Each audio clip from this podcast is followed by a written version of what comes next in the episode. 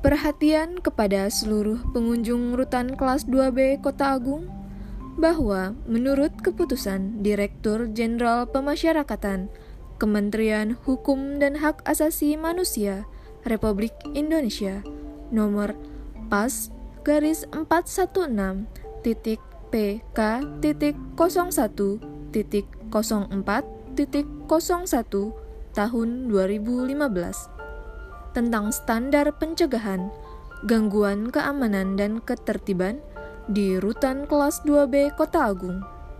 Barang-barang larangan yang tidak boleh dibawa masuk oleh pengunjung antara lain 1. Handphone atau alat komunikasi 2. Alat foto dan perekam suara 3. Senjata api dan senjata tajam 4 rokok beserta korek api, 5. Jaket dan topi, 6.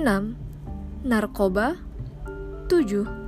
Makanan dan minuman dalam kaleng atau botol, 8. Barang-barang lain yang dapat membahayakan. Barang-barang larangan yang telah ditetapkan tersebut agar dititipkan di loker yang disediakan oleh Rutan Kelas 2B Kota Agung. Selama kunjungan, para pengunjung wajib menjaga keamanan dan ketertiban sesuai peraturan yang berlaku. Terima kasih.